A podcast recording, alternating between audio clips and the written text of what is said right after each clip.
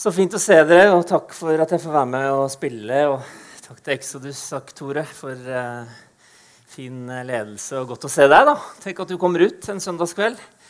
Veldig bra.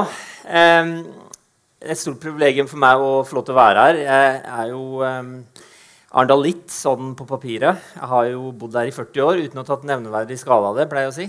Altså... Uh, Eh, født og oppvokst på Østlandet, og så har jeg bodd der da, i store deler av livet. Eller Du lurte kanskje på om det var store deler av livet, men 40 år er jo eh, fremdeles da, eh, mer enn den andre halvdelen, hvis du skjønner. Ja, hvis du er med på regnestykket. Det har vært eh, flott å følge med i gudstjenestene her. Så når jeg ikke er her, så, så ser jeg på de likevel og får med meg talene. Og, og det som eh, er liksom gjennomgangstonen her, den føler jeg eh, er en liten tråd. Jeg har lyst til å fortsette der som Jens Petter Jørgensen var sist søndag. Eh, var, det mange som var her forrige søndag, fikk høre det? Yes, bra. Og for min del så er eh, den talen der noe av det beste jeg har hørt på lang tid. Eh, og jeg ser at han har mer views enn meg på YouTube, og sånne ting, så det er klart at han, nei, men uh, hans elegante, tørre humor og uh, slagkraftig budskap, den kombinasjonen der, den i hvert fall treffer meg veldig. Og, og det budskapet der som han snakket om uh, Husker dere hva det var? Tro, det var noe med den stavel, stavinga der som ikke var helt sånn. Han har litt dysleksi, han fyren. Men, men hvordan var det han stav, stavet tro? TRO eh, skulle jo være nokså enkelt, men han stavet det på en annen måte. Noen som husker det? Relasjon stavet han tro. Snakket om eh, vintreet og hvordan vi er grenene på vintreet. Og eh, Det har også jeg lyst til å fortsette litt med, men med en annen tekst som handler litt om det som møteleder Tore her snakka om, nemlig om Guds rike og hva, hva det er for noe. Tittelen min den er jo litt sånn breial. Den heter 'Fordi du ikke fortjener det'. Og er egentlig bare et forsøk på en liksom morsomhet i forhold til reklame. da. 'Because you're worth it'. Og så skal du liksom Ja, du skal jo fortjene det, ikke sant? Eh, fordi at du er så flink. Og så handler dette som jeg skal snakke om, i hvert fall, eh, om det motsatte. At eh, du kan være så flink du vil, men du fortjener det ikke. For det går ikke an. Um, og så uh, liker jeg å kanskje bare liksom pirre deg litt sånn Du som hadde tenkt å reise sånn som meg da, i sommer, så ligge sånn noen uker og bare tenke på ingenting. Um, vi får uh, holde ut. Og så har vi det ikke så verst allikevel, tenker jeg. Alt kommer til alt. Fordi du ikke fortjener det. Markus kapittel 10, vers 13-16. Og eh, hvis du har mulighet, ta med deg Bibel eh, når du er på gudstjeneste. Eh, du, kan, du, får til og med lov til å sitte med mobilen hvis du vil det, hvis du vil følge med på teksten sjøl. Eh, og så kanskje du må ta et notat eller to også. Eh, jeg prøver i hvert fall å gjøre det. At jeg tenker at jeg er ikke på gudstjeneste for å vurdere en tale fra 1 til 10 eller 1 til 6, eller hva det måtte være for en skala du opererer med, men at jeg er her for faktisk å høre fra Gud om det er noe her som kan minne om noe som Gud kunne ha sagt til meg. Og det er det vi ønsker, vi som står her. Vi, vi har egentlig ett ønske. Eh, og, og vi, vi, ønsker ikke å være høy på oss sjøl, men vi ønsker å være formidlere av Guds nåde og av Guds ord. Og, og Derfor er det viktig å ta vare på Guds ord. Og Jesus sier mye om det at vi må ta vare på det frøet. Det kan så, virke så lite, det kan virke så, så vanvittig betydningsløst. Men det lille frøet La oss si at du får en tanke om noe du eh, skal handle på, eller om du får en, eller annen, et eller annet ord som kan treffe i en situasjon som, som du er midt oppi. Ta vare på det. Skriv det gjerne ned. Da er det lettere å huske det. Og så ber vi om at Gud skal få lov til å gi det vekst, at han skal få vanne det. Um, og, så, kan det bli noe som, som, skaper en forandring. Det er jo det Guds ord gjør med oss, er det ikke det?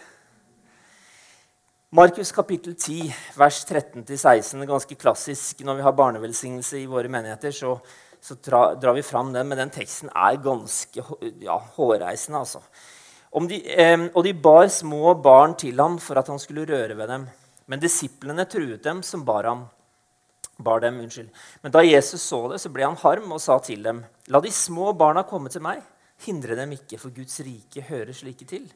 Sannelig, jeg sier dere, den som ikke tar imot Guds rike som et lite barn, kan slett ikke komme inn i det. Og han tok dem på fanget, la hendene på dem og velsignet dem. Amen. Takk, Gud, for denne stunden, og takk for ditt ord, og takk for at du er midt iblant oss. Ber virkelig om at du skal få lov til å tale til alle som åpner opp hjertet for deg, og la ditt ord ha fremgang i dag, i Jesu navn. Amen. Jeg vet ikke om du eh, med bare liksom en sånn kort assosiasjon husker sist gang du var hjelpeløs. Hvor du liksom Nå går det ikke. Hvis ikke jeg får hjelp nå, så er jeg lost. Og tenker du etter, så tror jeg du har vært i mange sånne situasjoner opp gjennom livet. Hvor eldre du blir, hvor mer skjønner du kanskje at jeg er veldig avhengig av andre. Og jeg har vært i sånne situasjoner mange ganger. Og da er jeg bare så enormt takknemlig for at folk kommer meg til unnsetning. At det faktisk er noen som, som, som, kan hjelpe. Det kan være ting som har med sykehuset å gjøre. Det kan ha med at du har gått deg bort. Eller, at, eh, det kan være bilen, til og med. ikke sant? Eh, noen eh, har jo ja, det Noen sier om min far. da, Jeg skal hilse fra ham forresten. Kjell Haltorp noen som sier at uh, han har ti tommeltotter, men uh, han som er liksom, praktisk ansvarlig i kirka, han sier om det var så vel at han hadde ti tommeltotter. Um, uh, det, noen har ikke praktisk sans. Det var det som var mitt, mitt, poeng. Da trenger du hjelp. Da er du hjelpeløs når noe må fikses. Og det kan være helt andre dype kriser i livet hvor det plutselig kommer en telefon eller noen som, som kommer til deg, og som tar tak i deg. og så, åh, Hvilken forskjell det kan gjøre. Og Den hjelpeløsheten den beskrives i denne teksten her. Og Det skal jeg si litt om, og jeg har egentlig bare ett punkt i dag. Og det handler om det. Eh, I går så var det konfirmasjon i heimen vår. Og vi eh, har da ei som skulle vært konfirmert 25. april, og så var det fest i går med Tentro, da, sånn som, eh, som er her. Og hun eh, er ikke så vanskelig å like. Hun er ca. det blideste som eh, du kan møte på Sørlandet. Eh, og liksom fasaden er i hvert fall helt topp, og bak fasaden er det ikke så gærent der heller. Og hvis du ser et, et bilde av henne når hun var lita, da, så, så, tenker du at ja, det er ikke så vanskelig å, å synes det er greit å være pappa liksom, til, til en sånn en. Det er tredje i flokken vår av fire. da. Men det er klart at en sånn skapning som det har også vært mye mindre. Den har også sett sånn ut som på neste bilde. Hvor hjelpeløs er du ikke? Hvor utrolig avhengig du er. Du kan ikke gjøre noen ting fra eller til for å kunne verken fortjene kjærlighet eller for å få den omsorgen du trenger. Og uten den omsorgen så går det ikke. Du har ikke sjans. Sånn har vi alle vært. Og Dere som er foreldre, vet godt om det. Noen skal bli foreldre her, hørte jeg i stad. Det er jo fantastisk stas. Men det er den hjelpeløsheten. Og så blir man jo større, og så kan man greie seg bedre etter hvert. Sånn så hun ut for noen uker siden. Men det er klart at når teksten sier, og vi skal ta den setningen igjen som er liksom min, min uh, kjerne i teksten i dag. Nemlig du kan ikke komme inn i Guds rike uten å bli som et barn. Den som ikke tar imot Guds rike som et lite barn, skal slett ikke komme inn i det, er sitatet. Og hva slags barn er det? Av og til så tenker jeg at, eller Når jeg har hørt på den teksten, og vi liksom har barnevelsignelse, og sånn, så tenker jeg at ja, men barna de ser vel omtrent ut som på det bildet her. At liksom ja, de er jo sånn De greier seg tålelig greit og rimelig i farta. Og, og de eh, Ja, vi må lære barna nysgjerrigheten og den der eh, spontaniteten og gleden og Ikke sant? Men det er jo ikke det Jesus snakker om i den teksten. i det hele tatt. Vet du hva Han snakker om Han snakker om sånne som det neste bildet. At hvis ikke du blir som et barn Og hvordan kan jeg vite at det er det barnet da, som vi snakker om, er den alderen der? Jo, fordi de måtte jo bæres. Altså, De kunne ikke gå, disse her. Så da, da er de små. ikke sant? De er under et år kanskje ish. Og så var det et sånn type barn vi skulle lære av? Hva kan vi lære av noe så hjelpeløst? Har du tenkt på det? Hvordan kan vi lære av et spedbarn? Og hvorfor løfter Jesus det opp som et eksempel for oss, for at vi skal lære av det? Jeg legger merke til selv, Som pastor så blir jeg ivrig etter å få menigheten og de som, som jeg er med og tjener, til å liksom Ja, men du, vet du hva, bare kom på samlingene, og det er så bra. Og ja, så har vi bønn, og kjør på med det. Og så Bibelen, vet du. Ja, det er tingen for deg. Du må lese to kapitler om dagen. Jeg, prøver, jeg sier ikke du må, men åh, les i to kapitler og bare prøv det, liksom. Test ut, og så sier vi ja, men gå på gå på samlingen på fredagene og ja, få gjerne med deg Bli med og tjene i menigheten. Og kanskje du kan, ja, kanskje du kan stå i døra og ønske velkommen eller koke kaffe. Eller, ikke sant? Og, så, og det er superbra, og det støtter jo selvfølgelig alt det. Men hvis ikke vi har tatt en liten sjekk på hvorfor vi gjør det vi gjør, så tror jeg vi opplever det som mange opplever. At de går litt lei, de går litt trøtt. og liksom, ja, men hva, hva er greia her? liksom? Hva, det, så opplever man at ja, men de ser meg ikke. Jeg har, jeg har, ikke hørt noe Jeg tror ikke de egentlig setter pris på de greiene jeg gjør. Um, for jeg, nei, jeg syns ikke det virker liksom sånn så veldig trivelig her. Og så går vi i den fella at vi tenker hva hva, hva, kan jeg oppnå, eller hva, hva, kan jeg gjøre for å liksom passe inn her? Så sier Jesus at Guds rikes hemmelighet det handler om spedbarnet. Det handler om at du egentlig ikke kan gjøre noen ting i utgangspunktet. Det betyr ikke at du ikke skal gjøre noe, så håper dere gjør alt det der. Men hvis ikke du tenker i utgangspunktet hva er det jeg holder på med, hva er liksom grunntanken bak det vi holder på med, og Derfor syns jeg det er fantastisk å høre Jens eh, Petter Jørgensen etter 50 år. Så sier han det er bare liksom én ting som, som, er mitt budskap. Det er, en, det er ett budskap jeg har egentlig som jeg liksom lander på. Det er den hjelpeløsheten. Den hjelpeløsheten. Vi er så avhengige av Gud. Og den hjelpeløsheten det har tatt lang tid for meg i hvert fall, å begynne å fatte. For jeg har også sunget 'Jesus, her er jeg, send aller helst Han'. Eh, eller ok, da. Send meg, da. Send meg. Og så Ja. Så er det det jeg ønsker. Gud ser til hjertet.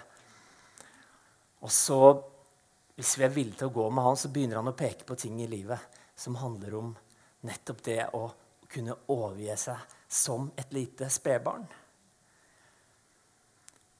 Her er det en dåpskum. Og det som gjøres med dåpskum, er egentlig det samme som den leken. Jeg skulle gjerne hatt noen til å illustrere den. Jeg har ikke turt å spørre noen i disse koronatidene. Jeg så liksom ikke to søsken her. Men liksom den der, hvor én sto bak, forhåpentligvis med armene ut, så er det en som står foran, som bare lener seg tilbake, og forhåpentligvis blir han tatt imot. Symbolet på det altså, det er overgivelse, ikke sant? Altså, Du overgir deg fullstendig til den personen som står bak. Så håper du at han ikke skal drøye for lenge med å ta deg imot, sånn at du ikke går i bakken. Det øyeblikket du ikke du greier å stole på den bak deg, så gjør du sånn, og så tar du beinet ut, for du er ikke helt sikker åssen det skal gå hvis du overgir deg. Guds rike handler om å overgi seg som et lite spedbarn. Du kan ikke komme inn i Guds rike hvis ikke du blir som et spedbarn. Og det fortsetter der, for Guds rikes hemmelighet det er helt motsatt. Det er, et, det er ikke en motsetning, men det er et paradoks i forhold til hvordan vi tenker at livet skal fungere. For vi tenker at vi kan vokse videre hvis vi blir så og så flinke, eller hvis vi, hvis vi oppfører oss kristent. Men det handler ikke om det. Og min bønn i dag, det handler om at Kanskje det er noen her som trenger å bare komme tilbake til den overgivelsen om at Jesus, det er du som er mitt liv. Det er ingen andre som jeg vil leve for. Jeg vil bare gi meg over som et lite barn, som et spedbarn. Og i dåpen så lar man seg døpe. Vi, vi sier liksom eh, 'Jeg skal døpe meg', eller de, 'hun skal døpe seg'. Men vi døper oss ikke selv. Det går ikke an å døpe seg i den kristne troen. Det går ikke an. Du må la deg døpe. Fordi at i det øyeblikket du overgir deg, så vil det være en som holder deg opp er det kanskje sånn, noen få sekunder, og så gi et tegn når, skal, når du ikke orker. Ikke sant? Og så opp igjen. Så står du opp til et nytt liv. Du har gitt deg over det. Derfor du gir deg over det. Derfor du lar deg døpe. Du lar ditt liv bli overgitt til Kristus. Og alle som har latt seg døpe her inne, du har faktisk gitt ditt liv til en annen. Du tilhører ikke deg sjøl. Ditt liv tilhører en annen. Du har ingen rett over ditt liv lenger. Sorry, altså. Det er litt sånn rare nyheter her på en eh, fin søndags ettermiddag kveld. Men er det, ikke det, er det ikke det dåpen betyr, da? Hva betyr det ellers? Hvis vi er døde med Kristus og reist opp til et nytt liv, så betyr vel det at vi har mistet retten over vår egen vilje og vårt eget liv. Og Derfor sier Jesus, den som ikke tar sitt kors opp hver dag og følger meg, er meg ikke verdig. Derfor snakker Jesus om å ta sitt kors opp. Derfor er korset symbolet på tro. Symbolet på kristenliv. For det er ved korset du vinner seieren. Og det er ved å overgi seg i Guds hender seieren i ditt liv kommer til å skje. For i det øyeblikket du overgir deg, så er det noen andre som må ta over. For du har jo lagt deg bare over, du. Og du har, du har lagt deg over, og, og, og, du er i, på en måte i en spedbarnssituasjon også, hvis du tar begge de bildene. Da er det noen andre som må forsørge deg. Da er det noen andre som må hjelpe deg. Da har du gitt ditt liv til Gud, og da er det han som skal forsørge deg. Det er han som skal lede deg, det er han som skal hjelpe deg. Det er han som skal være din forsørger og venn og hjelper. Jeg skal bare si det. Jeg har, jeg har elska Gud hele mitt liv. Jeg kan ikke huske at jeg aldri har trodd, eller noen gang at jeg ikke har trodd. Men å overgi seg med alt man har, er bare så vidt begynt. For du vet hva? Jeg, jeg, er interessert i sånn som mange av dere. Jeg er interessert i at å, vi må bare lykkes. Vi må få mange folk. Da, da, da har vi liksom skjønt det. Så sier taleren her forrige søndag men det er ikke sikkert det er en likhet mellom mange folk og, og vekst. Ikke sant? Det er ikke nødvendigvis at det går, går hånd i hånd. Fordi at hvordan, hvordan skal man måle vekst? Hvordan skal man måle at man lykkes? Når Guds rike handler om å gi sitt liv, å være svak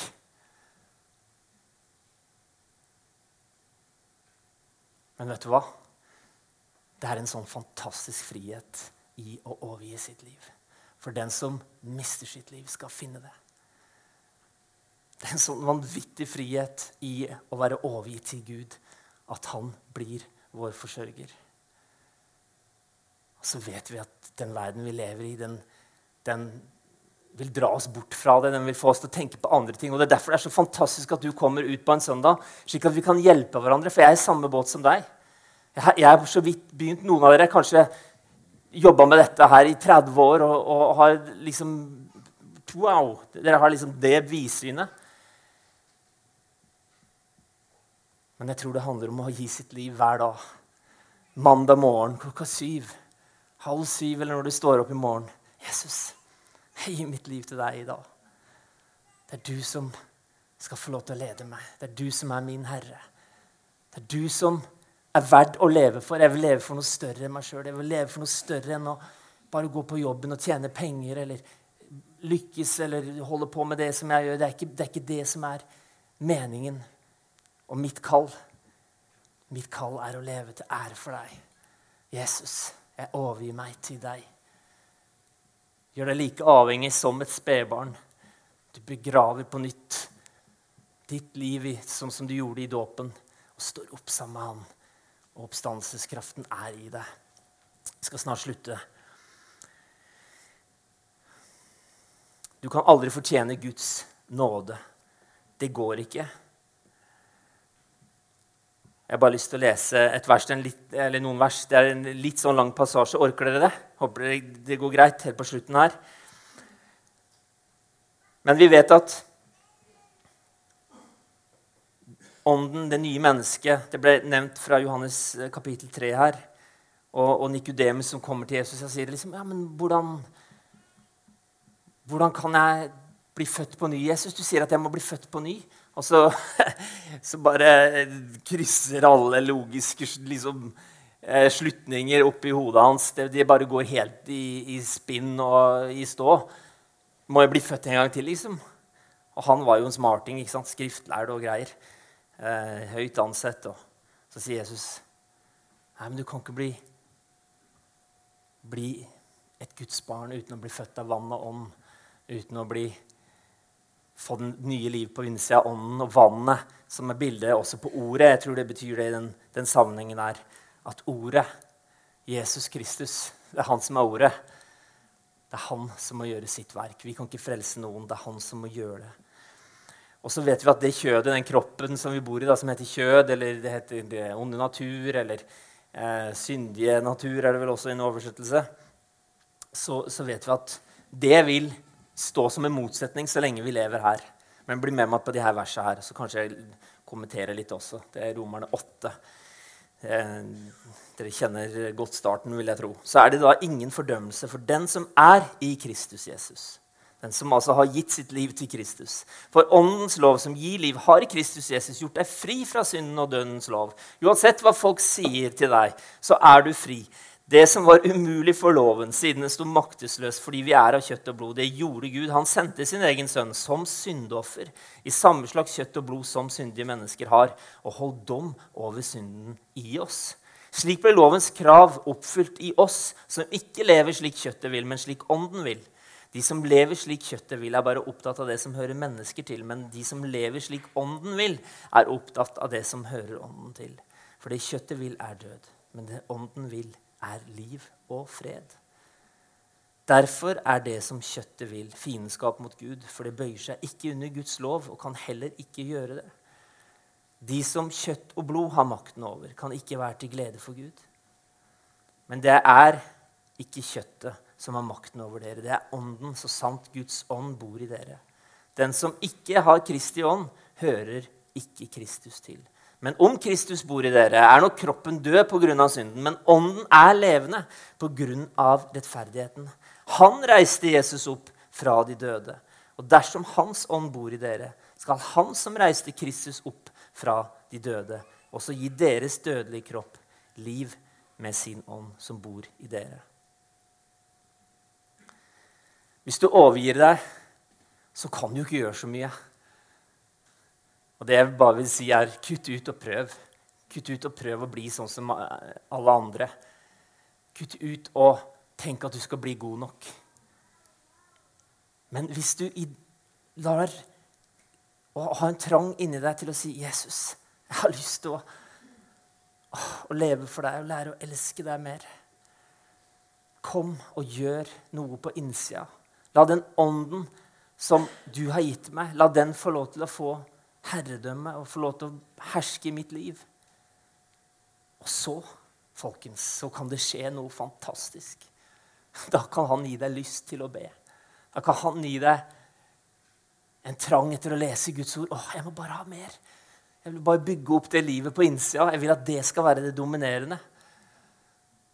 Åh, jeg har lyst til å bare være med og dele. Jeg har lyst til å si noe. Eller jeg har lyst til å si hei til folk, eller klemme når korona er over. Eller, ja, ikke sant? Da er det han som kan få lov til å gjøre sitt verk. Så at ikke det blir gjerningene som binder oss sammen, men overgivelsen til Kristus. Det er der vi har vårt fundament. Vi er poda til treet, til vintreet. Du kan ikke gjøre noe fra eller til. Sånn er det bare hvis du ønsker at hans liv skal få lov til å bli synlig gjennom ditt liv. Er ikke det fantastisk? Jeg syns det er veldig bra. Helt til slutt risiko. Risiko. Jeg tror ofte så, så er det sånn, i hvert fall med meg Og det var det sånn for noen år siden når jeg merka at det som er minst, omtrent, omtrent minst jeg kunne tenke meg på jorda, når de tankene begynner å komme Peter, du skal bli pastor. no way. Og så kom det igjen, og så kom det igjen. Og så visste jeg at jeg visste at det kom. Og så visste jeg litt hva det innebar, siden jeg er sønnen av min far. og sånn som du, sønnen av din far. Men eh, altså, jeg har vært eh, inne på gamet og, og, kjent litt på det. Så tenkte jeg det der er i hvert fall ikke noe for meg. Jeg trives som en bakmann, og jeg kan spille bass og jeg kan eh, stå og undervise i klasserommet. Så får det holde. Men nei da. Vet du hva jeg hadde gjort? Jeg hadde bestemt meg for å leve for Jesus. Det gjorde jeg for veldig lenge siden. Fra jeg gikk på ungdomsskolen, så tok jeg en bestemmelse og sa Jesus. Dette her er noe mer enn bare noe innbilte greier. Jeg vil leve for deg, Jesus. Ta mitt liv. Forvandle mitt liv. Forme det. Og så har jeg gjort masse rart og feiler og herjer med så mye tull og vas. Men allikevel så kommer jeg alltid tilbake igjen til det. Og den risikoen det er å gå på det som Gud leder deg til, og det som Gud sier til deg Det er ikke alltid vi tør å gjøre det. Og jeg aner ikke om, om i den menigheten jeg tjener, er, om jeg var første eller tiende valg eller femtiende valg når det gjaldt på Guds liste over pastorer. Jødene, eh, Noen rabbier sier jo at de var nederst på lista. Det var eneste folkeslaget som var igjen liksom, å spørre om å bli Guds utvalgte folk. Det er helt seriøst. Og jeg bryr meg egentlig ikke om det. Men jeg bryr meg om at min dag som jeg har fått som en gave Jeg våkner opp til en ny dag. Det betyr Gud, det her er en ny mulighet på å leve for deg. Så får du lede meg hvor jeg vil så må du hjelpe meg til å gå der du sier jeg skal gå. Av og til så koster det. Oi, oi, oi. Av og til så har du tunge bein, og du kan tenke Åh. Hvis du gjør sånn som min far, da, som er mitt forbilde på så mye som, som, På festen i går så går han bort til en, en fyr som vi har bedt for lenge, og så sier han, 'Du, nå er tida for deg å ta imot Jesus.' Nei, jeg bare Hæ, sa du det? sa jeg. Ja, og så, og så i festen Vi er på konfirmasjon, folkens. Ja da, Så drar han fram boka si.